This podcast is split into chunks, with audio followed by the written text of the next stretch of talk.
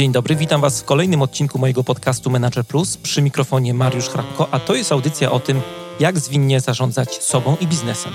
Jeżeli chcecie, żeby coś zmieniło się w Waszym życiu i czujecie potrzebę ciągłego szlifowania swoich umiejętności, zapraszam do słuchania moich audycji.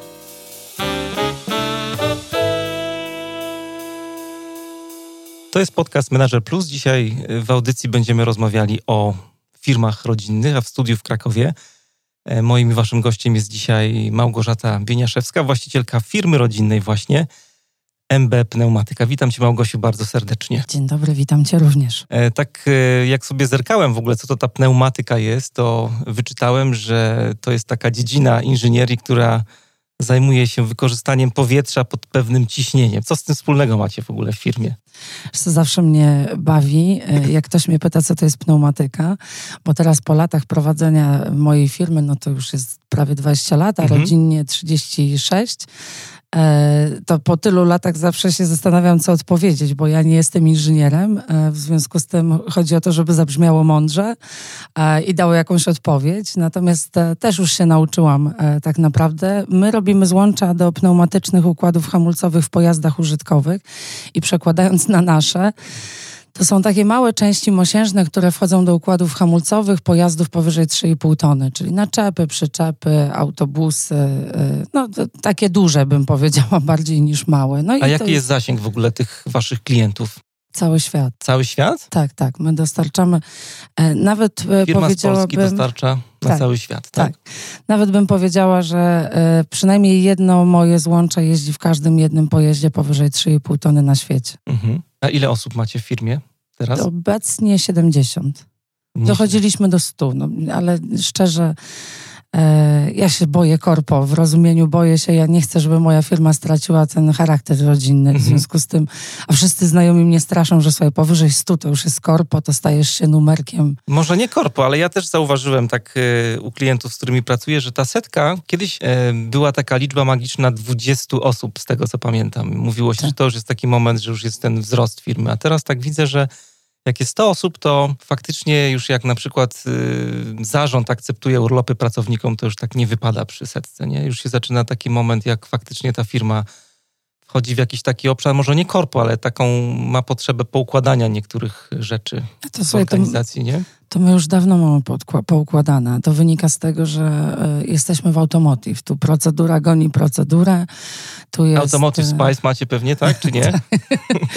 Nie mamy IATF-a, to jest pierwsza norma jakościowa, która nas układa od A do Z, jeśli chodzi o procedurę i tu mówimy od zarządzania śrubką na produkcji, jak to kiedyś powiedział mój znajomy, a kończąc na E, zarządzaniu ludźmi, na procedurze szkoleniowej i tak dalej. A ty podobno kiedyś chciałaś w ogóle śpiewać. Nie, nie myślałaś sobie o tym, żeby pracować w takiej firmie no w takim męskim świecie trochę, jakby nie było, nie? No to wiesz co, to, to ja wiele rzeczy miałam w planach, jak na przykład być e, nauczycielką, e, bo to miałam 21 lat, kiedy mój tato przyszedł i powiedział, Małgosia, e, przejmij proszę firmę, bo ja jestem poważnie chory, a ja wtedy studiowałam filologię angielską i chciałam być nauczycielką, mhm. więc e, to pierwsze moje marzenie, które dokończyłam, to znaczy dokończyłam studia, ale nie byłam nauczycielką mhm. nigdy.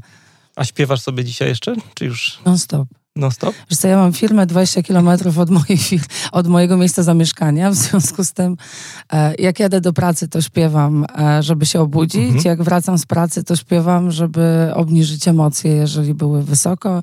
A co e, śpiewasz? Masz jakiś taki swój ulubiony repertuar? Wiesz co, i też się zaczyna historia, bo ja jestem bardzo, no taki duży ekstrawertyk, wydawałoby mhm. się, że wciąż napędzony.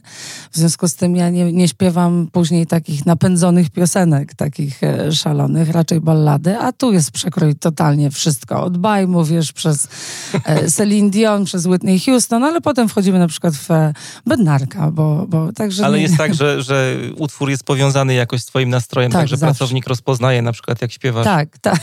Beatę Kosidrak, to... Nie, raczej bym powiedziała, że jak, jak słyszą e, moi pracownicy, to się już rzadziej zdarza, natomiast jak słyszą muzykę, bo jak już jest naprawdę źle u mnie, to znaczy czuję, że emocje już już e, sięgają zenitu, to mhm. zamykam swoje biuro. Jeżeli jest lato, to otwieram e, wyjście na taras z biura mhm. i włączam muzykę, która jest głośniej niż e, standardowo i wtedy najczęściej idę śpiewać na dwór, żeby im nie przeszkadzać, ale też to nie wyje, nie przesadzajmy, to nie wyje na pół biura. I wtedy śpiewam, więc oni wiedzą, że to jest ten moment, żeby nie, nie wchodzić, bo ja potrzebuję się uspokoić, to trwa jakieś pięć minut i potem wracamy do normalnego mhm. funkcjonowania. A powiedz, kim dla ciebie lider jest? Masz jakąś taką swoją definicję lidera? Wiesz co, to z badania z e, lat 50., które mówiły, czym się charakteryzuje lider. Dzisiaj mówimy o tym, że on ma być charyzmatyczny, cokolwiek to oznacza, bo, bo jakby ja tej teorii nie bardzo rozumiem, znaczy tych wypowiedzi. Kiedyś mówiło się tak, że lider to jest ten, który ma odwagę do podjęcia decyzji, a później do wzięcia za nią odpowiedzialności. I to był ten lider. I to się mówi o dwóch tak naprawdę e, cechach, chociaż to niepoprawnie brzmi. E, I ja bym powiedziała, że chyba to jest dla mnie najsensowniejsze. Mhm. E, oczywiście w tle idzie to wszystko, co idzie dzisiaj, czyli charyzmatyczny, z wizją i tak dalej. No, okej, okay, ja bym powiedziała, że standard. Nie musisz być liderem, żeby to wszystko mieć. Mhm. Ja sobie tam przeglądnąłem trochę twojego bloga, mhm. charyzmatyczny, mhm. nie wiem jak się to wymawia w zasadzie, charyzmatyczny chyba, PL, tak. ale jest hrzmatyczny.pl i tam tak. napisałaś w jednym z wpisów, że gdy słyszę, że liderem trzeba się urodzić, to śmiech mnie ogarnia. No tak. Nie wierzysz w takie naturalne przywództwo? Wiesz, nie wierzę dlatego, że y, ja jestem tego dobrym przykładem. Y, naturalne przywództwo, ok, to tak jak psychologia i ciągły spór, ile zawdzięczamy dzięki genom, a ile mhm. dzięki środowisku. Wciąż tam oczywiście jest dyskusja między 60-40%. Mhm. Wreszcie umownie można powiedzieć, że jest to 50-50. Oczywiście kogoś zaraz obudzę do dyskusji, że jednak nie. No ale przyjmijmy, że 50% to są geny w naszym rozwoju i to im zawdzięczamy 50 środowisko. E, to w tym wydaniu możesz, możemy powiedzieć, że jeżeli się urodziłeś e, w nie takim środowisku, gdzie nie było lidera, to masz 50% geny za to odpowiadają. To jeszcze kwestia, w jakim środowisku będziesz wychowany, bo może jeśli będziesz wychowany wśród liderów, liderów to będziesz dobrym liderem. Ja e, też prześmiewczo w jakimś sensie i trochę z ironią napisałam ten wpis na blogu, właśnie odnosząc się do siebie. Tam była mowa o tym, że od najmłodszych lat byłam liderem z charakteru z temperamentu, bo byłam przywódcą bandy w podstawówce. Jak mi, jak to mówiła młodzież, jak mi ktoś podskoczył, to ja znalazłam rozwiązanie wtedy, nie? Ale to tak żartując. I też piszę o tym książkę. Już jestem na ukończeniu, właśnie liderem się stajesz, a nie rodzisz. Mhm. Wspominałaś, że jakby przejęłaś firmę po tacie dość wcześnie, 22 lata miałaś wtedy. Mhm. Co ci pomogło w ogóle w uczeniu się przywództwa? Że miałam nauczyciela obok siebie. Wiesz, ja jeszcze miałam tatę, który e, no, był chory, ale jednak e, jeszcze funkcjonował jakiś czas ze mną w firmie. E, żeby było ciekawie, to raczej nie był człowiek, od którego z jednej strony ja się od niego uczyłam, ale z drugiej strony był przykładem tego, czego nie chcę też. Na przykład podejścia w biznesie, które mówiło, mamy dobry produkt, w związku z tym on się sam sprzeda. Tato pochodził jeszcze z biznesem e, z czasów e, komunistycznych, to tam 1984, jak zakładał firmę. W związku z tym Polska była jedynym rynkiem, który go interesował. E, I chyba nawet nie po pozwalał sobie w wyobraźni na, na to, żeby pomyśleć, że dobrze, to wejdziemy na rynek na przykład Europy.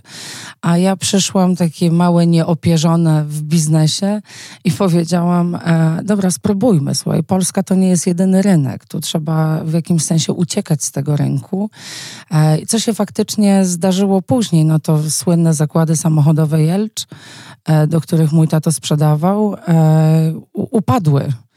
A jak upadły, to gdybyśmy byli uwiązani tylko do polskiego rynku, to już byśmy nie istnieli, więc okazało się, że jednak to miało sens. Tato też był nie, człowiekiem, który bardzo ufał ludziom e, i w związku z tym, że ufał ludziom, to e, no, popełniał różne błędy. Często można go było w jakimś sensie oszukać. Ja już miałam takie ograniczone zaufanie. I na przykład monitorowałam, wyznaczałam cele i monitorowałam pracę ludzi, czego w jakimś sensie mój tato nie robił, bo uważał, że jak zlecił pewne zadanie, no to ufa ludziom i nie doprowadzą do końca. A na końcu się dziwił, że nie, nie zrobiono tego tak, jak on oczekiwał. No, ja już tego tak nie prowadzę. Mhm. Ja bym chciał jeszcze zapytać o początki mimo wszystko. e, bo tak jak mówiliśmy, byłaś tak trochę nie, nieopierzona, nieprzygotowana do całej tej sytuacji. Miałaś uczyć angielskiego. Jak się wtedy czułaś, jak w ogóle dowiedziałaś się o tym, że takie coś stoi przed tobą? Pamiętasz w ogóle? Tak, pamiętam przerażenie. E, przerażenie dlatego, że miałam 21 e, lat i e, właśnie marzenie o, bycia, o byciu nauczycielem, nauczycielką. Mhm. E, I tato przychodzi, wiesz, stoimy w szczerym polu i tatuś mówi, e, Małgosia, jestem poważnie chora, albo ty, albo nikt. No, 11 lat młodsza siostra to nie, nie miało racji bytu. E, mama, kochany człowiek, kurka domowa, która zbierała nas wszystkich w całość rodzinną. No i ja. I myślę sobie, o kurczę, no okej, okay. jakby dobrze, tato, ufam tobie, natomiast nie mam bladego pojęcia, co z tym zrobić. No i wymyśliłam sobie tą historię, już, już wielokrotnie opowiadałam, że e, jeżeli mam zarządzać ludźmi, którzy mają średnią wieku 50 lat, a ja mam dwadzieścia kilka, ja jestem kobietą, a tam e, kobietą była chyba tylko wtedy e, księgowa, cała reszta to byli mężczyźni inżynierowie no to spróbuję. I ta próba polegała na tym, że się po prostu ubrałam w wizytowe e, ciuchy i poszłam spotkać się z moimi pracownikami. Idąc w tak zwanych szpilkach, oni czekają, a ja się e, wywróciłam. Przed e, nimi, bo tak? nie, nie, po prostu nie, nie, no, nie umiałam chodzić na szpilkach. Ja miałam 21 lat i chodziłam w sportowych ciuchach. Ja wcześniej trenowałam siatkówkę, więc w ogóle szpilki były mi obce. No i ubrałam się w te szpilki, poszłam, oni e, chcieli mnie przywitać i ja ich również przywitałam orłem wywiniętym. E, śmiesznie było, a z drugiej strony z perspektywy czasu mogę powiedzieć, że to to pierwsza lekcja, o której piszę w książce, że nie udawaj kogoś, kim nie jesteś, tak? bo to, to nie miało sensu. No i te moje kompleksy przez długi czas, e, próba udowodnienia tacie też, że e, dam radę, próba udowodnienia pracownikom, że dam radę. E, no a co najważniejsze samej sobie, że ja również dam radę. Tam jest taka słynna historia, 2003 rok, targi Motor Show. I ja, która obsługuje klientów, już wtedy coś wiedziałam na temat naszego produktu. I panowie, którzy przychodzili w Poznaniu, na nasze stoisko i pytali, e, czy mogę zawołać kolegę, który potrafi obsługiwać i wie. Więc ja mówiłam, że ja chętnie pomogę. Nie, nie, ale proszę zawołać kolegę. Ale ja naprawdę pomogę, wie, wiem, co sprzedaję. Dobrze, świetnie. To pójdzie pani zrobić kawę i zawoła pani tego kolegę. I to, to jeszcze był inny świat. Ta kobieta w męskim świecie to było wyzwanie. Teraz już się pewnie zmieniło dużo. Wiesz co, też moja e, samoświadomość się zmieniła. Moja pozycja w firmie to, że ja już nie muszę nikomu niczego udowadniać. Ja już dzisiaj nie biegnę przed e, siebie i nie krzyczę głośno: hej, dam radę, naprawdę, zobaczcie, oto ja. E, ja już dzisiaj wiem, co potrafię, i w związku z tym wiem też, że moją wartością nie jestem ja sama, tylko moi ludzie również bardzo silnie. To już jest zespół. Jest taka fajna książka, niestety chyba nie przetłumaczona na język polski. Manfred Ketz de Vries. On jest psychologiem, terapeutą, który tak próbuje przenosić różne rzeczy właśnie z psychologii do biznesu i no, mnóstwo książek napisał. W Polsce jest dosyć znana lider na kozetce i napisał też taką książkę Family Business on the Couch, czyli taki firma rodzinna na kozetce. I on dużo tam takich fajnych historii e, porusza związanych z prowadzeniem firmy rodzinnej. Jedna jest taka, która, e, którą chciałbym przytoczyć i, i też zahaczyć pytaniem o nią. E, dotyczy tych pierwszych dni takiego syna czy córki, E, który przychodzi do organizacji, e, bo jest coś takiego, że jest taka duża presja wtedy ze strony firmy. Presja, która polega na tym, że jednak pracownicy, chcąc nie chcąc, porównują syna czy córkę do e, rodzica, który tę firmę założył. I na przykład mówią, że no, bo on ma, ojciec miał więcej talentów niż, niż ten synek, który teraz zarządza, nie? I tak próbują jakoś zestawiać tę sytuację z tą, co była mm, wcześniej. Jak to było u ciebie? Czułaś się taka trochę... Miałam przechlapane, no. Co tu dużo mówić, miałam przechlapane, porównawczo, bardzo proszę. Ojciec inżynier. E, ja jeszcze nawet nie skończyłam filologii angielskiej, którą wtedy studiowałam. To, to co tu porównywać? Ojciec mężczyzna, typowy do, do świata motoryzacji. W tamtych czasach to, to jakby nie było nawet o czym myśleć, jaka kobieta w, w świecie motoryzacji. Kobieta w świecie motoryzacji, trochę żartując i jakieś panie pewnie się obrażą na mnie, ale wtedy była od tego, że siadała za kierownicą, a lusterko, to ten słynny żart służyło nie temu, żeby jakkolwiek coś w nim widzieć oprócz siebie i pomadki, tak? No więc to byłam ja. A no, ojciec w męskim świecie wszystko grało, ja w męskim świecie nic nie gra. Ja te 21 lat i, i 50-letni e, średnio inżynierowie, ja kompletnie nie znająca ani tego języka, którym do mnie mówili, to trochę wiesz jak E, jakby do mnie mówili po chińsku, mi było w sumie wszystko jedno, co oni mówią, jak zaczynali mi tłumaczyć oczywiście techniczne historie. E, nie miałam odwagi nawet powiedzieć moim ludziom, że słuchajcie, ja nic nie rozumiem, naprawdę, ja nie mam pojęcia, co wy do mnie mówicie w tym projekcie. Mój ojciec bardzo dobry inżynier, wizjoner, który przychodził, on jak zakładał firmę, to stworzył właśnie to pierwsze złącze z inżynierami jeszcze wtedy z Wyższej Szkoły Inżynierskiej w Zielonej Górze. No więc tych porównań było masa, tylko ja cały czas wyglądałam w tym porównaniu naprawdę słabo, patrząc na mojego tatę i na mnie. No ale z drugiej strony potem zaczęłam udowadniać, że mam wizję i że ta wizja nie jest kompletnie odjechanią historią, której nikt nie nadąża, tylko faktycznie jest taką, którą można realizować. Miałam e, duże ambicje, no to, to było też obciążające, mhm. bo tato był ambitnym człowiekiem, e, natomiast ja musiałam być lepsza, tak przynajmniej mnie się wydawało i to z drugiej strony nieźle mnie wewnętrznie e, wykańczało, bo ja wciąż biegłam za tym ideałem, bożyszczem, które miałam przed oczyma mojego taty. E, więc jak spojrzysz na te porównania, to nie wiadomo, co tu porównywać tak naprawdę. Było śmiesznie na początek. No. Ale y, jeszcze chciałem dopytać tutaj, idąc dalej tym wątkiem, y, o taką twoją autonomię. Jak ona się rodziła w organizacji? Bo wspominałaś, że y, Dużo ci dało na początku to, że tato był z tobą i był twoim takim w zasadzie jedynym nauczycielem tego biznesu, zarządzania. E, czy przywództwa. Jak było z tą autonomią twoją, czy ze ścieraniem się władzy? Bo jest tak w takich firmach, podejrzewam, że no jeżeli rodzic nie wyprowadzi się z firmy jakoś tak szybko, e, tylko to jego biuro gdzieś tam sobie siedzi w organizacji, to jednak mimo wszystko serca, wzrok pracowników ciągle będą tam do tego biura podążać. Jak, jak to było u ciebie? Dwuwładza. Dwuwładza? Oczywiście, że dwuwładza i e, śmiałam się, że danteńskie sceny się odbywały. W, Ile to trwało w ogóle, jak tato był w firmie z tobą? E Wiesz co, nieoficjalnie powiedziałabym jeszcze 2002, jak przejmuję firmę, a i krótko po mój tato już e, miał operację, więc on nie, nie był w firmie. E, natomiast w domu, to, to odbywały się notoryczne dyskusje, kiedy on tam był w okresie rekonwalescencji.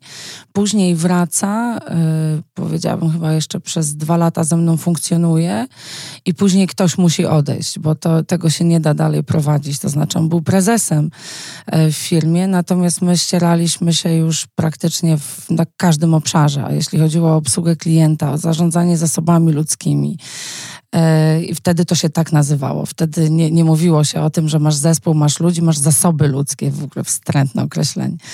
E, I w każdym jednym tym obszarze my się nie zgadzaliśmy, praktycznie notorycznie się nie zgadzaliśmy, a nawet jeżeli nie było to e, zero-jedynkowo, że jestem za, on przeciw, bądź na odwrót, to i tak mieliśmy wizję dojścia do celu inną z jednej strony to był plus, bo jakby ta firma dzięki temu się rozwijała, bo, bo mój tato mówił, że nie, a ja mu udowadniałam, że tak. Oczywiście nieraz się e, położyłam w mhm. temacie i nie udowodniłam, ale tak wyszliśmy na rynek niemiecki. Ja mówiłam tacie, że tam wyjdziemy, a tato mówił, że słuchaj, skupmy się na polskim rynku, to, to ma sens. Ja mówię, słuchaj, polski rynek za chwilę padnie, a my razem z nim. No i efekt był taki, że ta dwuwładza trwała notorycznie. To było też męczące dla pracowników. Ja nie miałam odwagi podważyć taty zdania, jeśli chodzi o zasoby ludzkie, ale miałam odwagę mu to powiedzieć w cztery oczy za zamkniętymi drzwiami biura. E, notabene na tyle jeszcze była mała i nieopierzona, mała w sensie młoda. W związku z tym na tyle um, emocjonalnie, że pół firmy słyszało, co ja do niego mówię za tymi zamkniętymi drzwiami. Więc tato był natomiast kompletnym moim przeciwieństwem. Stoicki spokój, E, i mówiący do mnie Małgorzata, e, ale mam inne zdanie. A ja mówiłam, świetnie, że masz inne zdanie, ale idźmy moją drogą. No i to tak trwało. U De Vriesa jest właśnie taki opis fajny tych relacji. On to nazywa, żeby to wszystko grało, to te relacje muszą mieć taki pierwiastek healthy disrespect, czyli takie to trudno przetłumaczyć na polski, ale taką zdrową, zdrowy brak szacunku, nie? Względem rodzica, żeby tak y, z jednej strony też grzecznie, i z szacunkiem, ale z drugiej strony też tak odważnie powiedzieć, o czym się myśli, jakie ma się swoje zdanie na dany temat. To u mnie ten, e, ja bym powiedziała tak, non-conformizm, ja nawet o tym mówiłam wczoraj u siebie na fanpage'u, że, że to jest z jednej strony ogromny mój plus, a z drugiej strony w jakimś sensie przekleństwo, bo e, nigdy nie miałam problemu z tym, żeby powiedzieć, co myślę. Czasami jeszcze, kiedy byłam młodsza, ta forma była na pewno zbyt bezpośrednia i mój ojciec musiał wykazać się dużą cierpliwością do tego, w jaki sposób się z nim komunikowałam. E, natomiast ja zawsze wychodziłam z założenia, że jeżeli masz swoje zdanie, to, to je powiedz. Znaczy, to nie chodzi o to, że wybiegnij na środek placu i wrzeszcz głośno, co ty tam sobie myślisz. Natomiast kiedy mm, nie zgadzasz się z czymś, a szczególnie w kwestii zarządzania już wtedy moją firmą, mimo tego szacunku do mojego taty, e, no to jakby nie było, to była moja firma, mój pomysł na to. A, a z drugiej strony ta moja firma wychodziła i miała korzenie w ojca pomyśle, więc to takie obciążenie z dwóch stron, ale ja jednak zawsze mówiłam, co, co myślę, e, co rodziło właśnie różne emocje. I to było tak, że tato dojrzał do tej decyzji, że tak dalej nie ma sensu, czy jakoś tak? tak, mój tato był faktycznie e, myślącym człowiekiem e, i zobaczył, że, że dalej to faktycznie nie ma sensu, że jeżeli się e, nie rozstaniemy, jeżeli nie odda mi tych, tego pomysłu na prowadzenie firmy i nie stanie się tylko doradcą w tle, który już nie jest prezesem, tylko jest osobą, do której ja mogę pójść i powiedzieć, tato, co ty o tym sądzisz, e, siedząc przy obiedzie, przy jednym stole w niedzielę, E, to my nie dojdziemy do rozwoju firmy, bo to nie chodzi tylko o to, żeby to był ciągły spór. E, nie zawsze oczywiście taki był, ale jednak na poziomie wizji całości e, to, to był. W związku z tym, i chyba taki moment przełomowy to też był 2003 rok, kiedy weszliśmy na rynek niemiecki. I ja bym powiedziała tak, naprawdę dużym fartem. To, to nie była historia, która. Fartem, może tak, fartem w tym sensie, że mieliśmy dobry produkt, ale ja naiwnie myślałam, że jeszcze wtedy był faks więc i telefon, że jak będę wydzwaniać do firm niemieckich mówiąc po angielsku, to oni radośnie będą nas witać i mówić super, że dzwonicie z Polski. E, nie znacie niemieckiego, ale co drugi przecież u nas zna angielski i będziecie nam sprzedawać wyroby. A żaden z tych e, Niemców, z którym rozmawiałam, nie wykazał zainteresowania. E, obdzwoniłam naprawdę wiele firm i na końcu e, miałam kompletnego farta, bo jeden Polak odebrał telefon w jednej z firm bardzo dużych niemieckich, producent układów hamulcowych. I jeszcze większego farta miałam, że on był inżynierem, który tworzył wiele produktów w tej firmie, a już taki y, szczyt tego wszystkiego to był taki, że y, mieli problem ze złączami. Jedno ze złączy im przeciekało i powiedział, okay, słuchaj, y, jesteście z Polski, zobaczmy, co się da z tym zrobić. Chodźcie. On zaryzykował, my zaryzykowaliśmy, a potem się obroniliśmy już wiedzą i to był ten fart. O, tak. aż coś urosło. No tak, tak. No, znaczy na pewno nie brakło mi determinacji i, i faktycznie to przyniosło jakieś mhm. rezultaty pozytywne, ale fakt w tym sensie, że naprawdę Niemcy nie byli, to niemiecki rynek jest generalnie zamknięty, bardzo taki... No ale jak już się otworzy, to tam jest potęga, jeśli chodzi o motoryzację. No, dzisiaj, dzisiaj jeden z największych rynków, gdzie, mhm. gdzie dostarczamy. Wrócę jeszcze na chwilę do, do przekazania władzy i do relacji z tatą. E, tak drążę ten temat e, trochę. Myślę, że ta sukcesja no to jest taki temat, o którym się zawsze mówi przy firmach rodzinnych. Czego ci to nauczyło? Co mogłabyś słuchaczom tutaj zostawić jako takie dobre rady, o czym trzeba pamiętać przy sukcesjach w firmie rodzinnej? Już wzdycham, dlatego że y, powiedziałabym tak, ja nie przeszłam typowej sukcesji, bo to była jednodniowa sukcesja. Mhm. Dzień dobry, przejmij. Ja powiedziałam ok. W przenośni chwilę później tata się u, usuwa, bo nawet y, chwilę później, to znaczy idzie na operację i nie ma go przez dobry rok. Mogę z nim rozmawiać, ale go fizycznie nie ma w mhm. firmie. Mhm. Natomiast y, mówiąc o tym, co się, co jest istotne, ja to wciąż mówię ostatnio nawet w Forbesie na kongresie firm rodzinnych, rodzinnych. Mówiłam o tym, że ta dwuwładza nie może mieć miejsca, jeżeli to starsze pokolenie nie rozumie, e, że musi odejść, musi przekazać tą władzę, musi szanować pewne e, podejście e, młodszego pokolenia, to to się nie skończy. Jak dla mnie ta firma nie idzie w dobrym kierunku, bo my się wtedy skupiamy na konfliktach, na udowadnianiu, a nie na tym, co jest core biznesem każdej firmy. Natomiast z drugiej strony to, co było dla mnie istotne i niezmiernie istotne było nazwisko do tego stopnia, żeby ono przetrwało. To jest pe pewien hołd dla moich rodziców, który ja wychodziłam za mąż i nie zmieniłam nazwiska. Mhm. Zostałam przy swoim właśnie ze względu na szacunek do nich. E, mąż, cudowny człowiek, zrozumiał że, że wiesz, to też inne czasy. Kiedyś się, przy, jak wychodziło za mąż, to trzeba było po mężu to nazwisko przejąć. I ja powiedziałam, że no, no nie. E, I też e, mam wrażenie jeszcze a propos sukcesji, co bym, co bym powiedziała e, temu młodszemu pokoleniu, ale też starszemu, które przekazuje. Ułóżcie to sobie przed. Nie róbcie tego z zaskoczenia, tak jak my musieliśmy w jakimś sensie. Jeśli macie możliwość, to to zaplanujcie. Kto, nawet jeżeli miałaby być, miałoby być tak, że zostaje ojciec, matka i wchodzi dziecko, to poukładajcie waszą decyzyjność, obszary decyzyjności, a potem brońcie jak niepodległości i oboje walczcie, dwie strony, niech walczą o to, żeby się tej decyzyjności w tych obszarach trzymać. Nie wchodźcie sobie, to jest bardzo trudne, uważam. Mam przykłady znajomych, y, którzy się poukładali w ten sposób i to trwa. E, fajnie to zrobił na przykład pan Henryk Orfinger z dr Jeny Eli z firmy, który oddał część i powiedział, ok, dzisiaj ja się zajmuję hotelami, a mój syn wchodzi już, e, to niedawno gdzieś czytałam, 44 lata i zaczyna się już zajmować tym podstawowym biznesem. Dzięki temu nie wchodzimy sobie w paradę. A tak e, patrząc na dziedzictwo twojego taty trochę i tutaj kontynuowanie tego, co twój tato zaczął e, i przez kilkadziesiąt lat e, robił w firmie waszej. Nie mam tutaj na myśli oczywiście takich rzeczy jak na przykład styl zarządzania czy przywództwa, bo tym się na pewno różnicie, ale bardziej chodzi mi o jakieś takie rzeczy bardziej głębsze, jak misje, wartości, czy jakieś takie cele związane z założeniem firmy. Na ile ci się udaje to e, kontynuować? Czy masz poczucie, że ci się udaje? Myślę, że tak. E, w firmie rodzinnej dla, dla wszystkich pewnie e, w takich firmach rodzinnych jest istotne to, żeby zachowało się to nazwisko i pewna historia. E, I jeżeli mówimy o wartościach, to ja zawsze swoim ludziom mówię, że my mamy takie dwa cele w firmie. Pierwsze, jak każda, i to żadne odkrywcze e, przemyślenie, działamy po to, żeby przynosić zyski. Natomiast, e, no bo firma musi się utrzymać.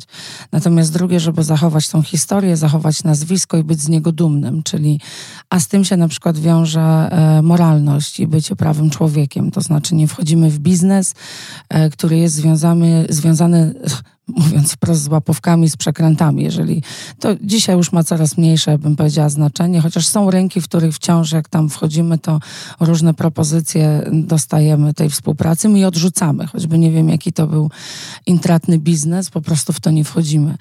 E, I drugą taką e, wartością i taką wizją, którą miał mój ojciec i, i ona jest jakby spójna z tym, co ja mam, to jest to, że człowiek jest ważny. Właśnie w tej firmie rodzinnej e, nie jesteś numerkiem w HR-ze jesteś człowiekiem, który ma swoje problemy, e, z którymi na bieżąco się możemy borykać, to też nie zrozummy się źle. To nie chodzi o to, że nagle jesteśmy takim szpitalem leczenia duszy i jak ktoś ma problem, to my się klepiemy po, twa po, po twarzach, Boże, my się klepiemy po plecach i mówimy, sobie będzie dobrze.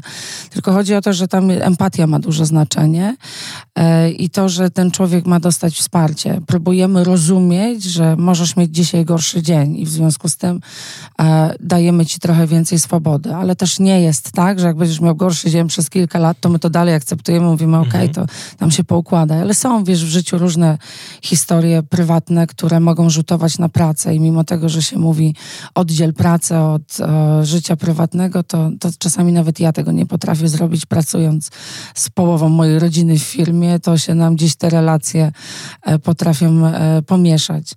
I misja była jedna, że będziemy i wizja, że złącza e, naszej firmy będą jeździć w każdym jednym pojeździe na świecie. No i to się spełniło, więc myślę, że tato byłby dumny. Taką, y, chciałem jeszcze zahaczyć o taką jedną rzecz y, związaną z takimi trudnymi rzeczami. Najtrudniejszą może lekcję, jakbyś mogła podać tego czasu zarządzania pracy z ludźmi? Najtrudniejsza lekcja to była taka, że ja miałam złe podejście na początku, e, które wychodziło jeszcze z kultury wtedy, z historii Polski, mianowicie ja płacę, ja żądam.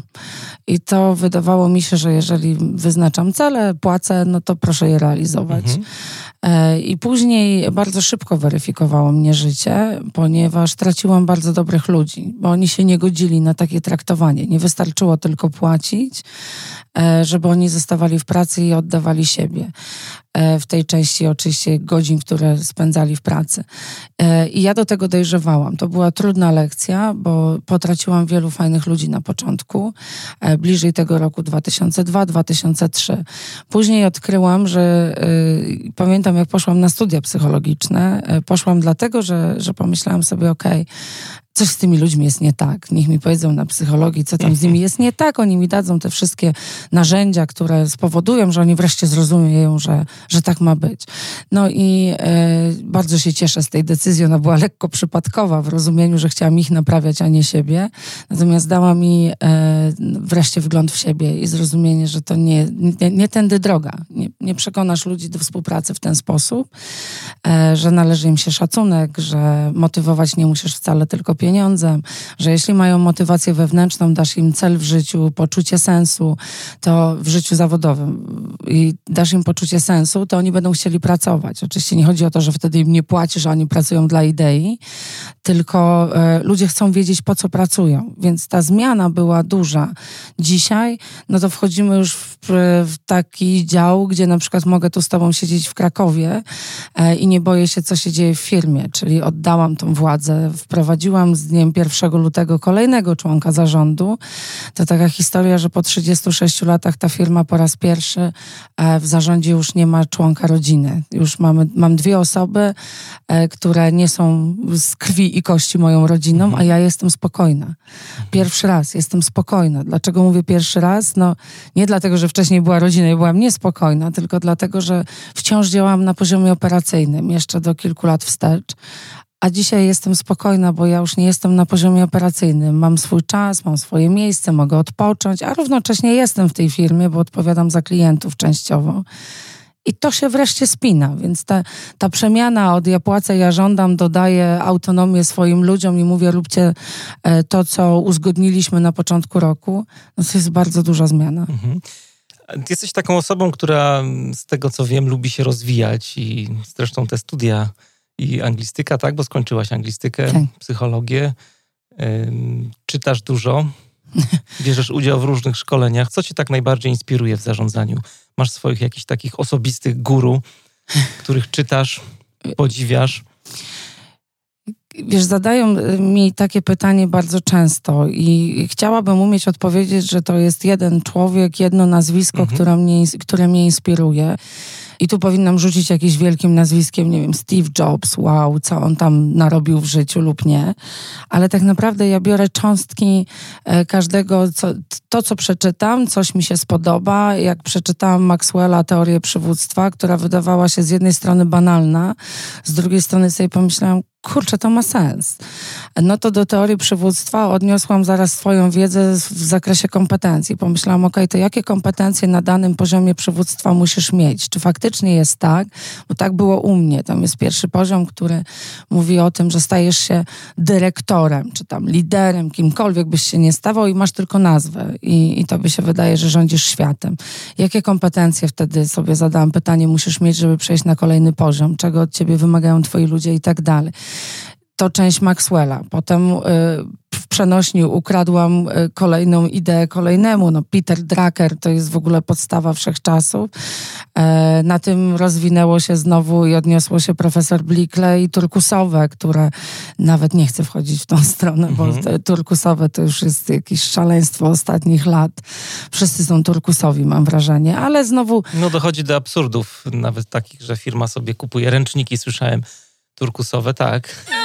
teczki robią turkusowe. Z turkusem to nie ma nic wspólnego oczywiście, ale już branding jest. To nie słyszałam, szczerze powiedziawszy, takiej historii nie. Nie, to my mamy no, normalnego koloru ręcznika, znaczy normalny, nienormalny, po prostu nie są turkusowe. Na toaletę. No właśnie. No, więc e, wracając do tematu, profesor Blikle, potem przechodzi Andrzej Jezna, który rozwija tą ideę, e, ale na przykład a propos liderów i tego, jak podchodzisz do życia, e, to tak trochę może zaskakująco storytelling i Tkaczyk, który fajnie o tym mówi, tu też możesz wykorzystać wiele idei z tego do zarządzania. I ja to tak troszkę zbieram do tego koszyczka po kolei, a, a na końcu tworzę coś własnego, coś co, coś, co mi odpowiada, jest zgodne z tym, co ja wewnętrznie czuję. I nie mam tu jednego nazwiska, które mnie inspiruje. Faktycznie ja notorycznie się rozwijam, czytam tysiące książek, ja jestem molem książkowym. E, jak mnie teraz rodzina zapyta, ci, którzy zostali w domu, e, moja mama do mnie dzwoni i mówi, słuchaj, to co sobie z Krakowa przywiozłaś, no przywieziesz, tak? No książkę, książkę o marketingu. Zapomniałam e, autora, ale i co sobie przywiozłam, że pobiegłam do Empiku na Starym Rynku, który jest przepiękny w ogóle i Empik ma, ma piękne ściany w sensie On jest od niedawna tam, tam Empik się zmieniał bardzo rewelacja, słuchaj, cytaty w ogóle fajnych ludzi, no niesamowite. No i pierwsze co, już dostałam inspirację, co powiedział Zbigniew Herbert wczoraj na tej ścianie tam wyczytane, że e, o tym, jak to płyniesz e, z prądem, że śmieci płyną z prądem, a, a do źródła raczej pod prąd. No mnie to natchnęło właśnie do przemyśleń o nonkonformizmie i o tym, co się dzieje, no i już był zaczęłam... Był wpis na fanpage'u. Tak, był. no, krótki filmik nagrany, więc jakby to, wiesz, życie jest tym, tym miejscem, gdzie cały czas zdobywasz wiedzę. Natomiast no, poszłam na MBA, skończyłam MBA na Alto University i, i powiedziałabym tak, wiedzę może i tam zdobyłam z tych wykładów, ale największą od, od ludzi, którzy ze mną studiowali. To często właśnie powtarzają ludzie, że tak. ten networking jest bardzo tutaj ważny. E, a propos Petera Druckera, którego wspomniałaś, e, byłem na waszej stronie firmowej i tam jest takie hasło, tak jak z tym Herbertem mi się skojarzyło, y, najlepszą mhm. metodą przewidywania przyszłości jest, jest jej tworzenie. tworzenie. Chciałbym zapytać, jaka będzie przyszłość MB Pneumatyka? Jaka będzie MB Pneumatyka za 5-10 lat? Ja mam nadzieję, że będzie y, już takim miejscem, gdzie ja nie będę y, na poziomie operacyjnym. Ja już dzisiaj tam nie jestem, ale Mam na myśli e, otworzenie już takiej e, drugiego biznesu, który chodzi mi po głowie. Na razie nie zdradzam, ale że już w związku z tym przejdę do rady nadzorczej i nie będę się mhm. zastanawiała nad tym. Natomiast to, to jest moje życie. Jakby ja tego nie zostawię w rozumieniu takim, niech sobie płynie. Dzisiaj już jesteśmy w każdym jednym pojeździe na świecie, ale nie zmienia to faktu, że nie wszystkie złącza moje są e, w tym pojeździe. Nie tworzymy całego układu hamulcowego czy zawieszeń pneumatycznych, więc jest jeszcze dużo do zrobienia. E, kolejna rzecz, e, jesteśmy prawie na każdym kontynencie. Finalizujemy już temat e, Australii.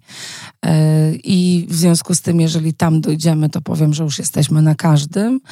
E, kiedyś mi zadano pytanie, czy będę otwierać oddziały, czy, czy to faktycznie ma sens, żeby siedzieć tylko w Europie i sprzedawać do Chin na przykład. Więc to jest kwestia do rozważania. My już to rozważamy chyba od dwóch lat i tutaj wymaga to pewnych przemyśleń. Więc, więc myślę sobie, że kolejny krok to będą te oddziały chociaż nie wiem, czy raczej przedstawicielstwa, biura zagraniczne, czy firmy produkcyjne. Myślę, że e, mam pomysł na joint venture akurat w Azji, no ale teraz to, co się dzieje to na razie powstrzymało nas e, przed takimi działaniami. E, co będzie za 10 lat? Mam nadzieję, że będę stała wciąż tak dumnie jak dzisiaj i będę mówiła, że, że to jest moja firma, firma rodzinna i nie będę musiała się za nic wstydzić, co zrobiliśmy. Będziemy trzymać mocno kciuki razem ze słuchaczami. Dzięki. To jest podcast Manager Plus. Dzisiaj moim i waszym gościem była Małgorzata Bieniaszewska, właścicielka firmy MB Pneumatyka. Małgosi, ogromne dzięki za Ja również rozmowę. bardzo dziękuję.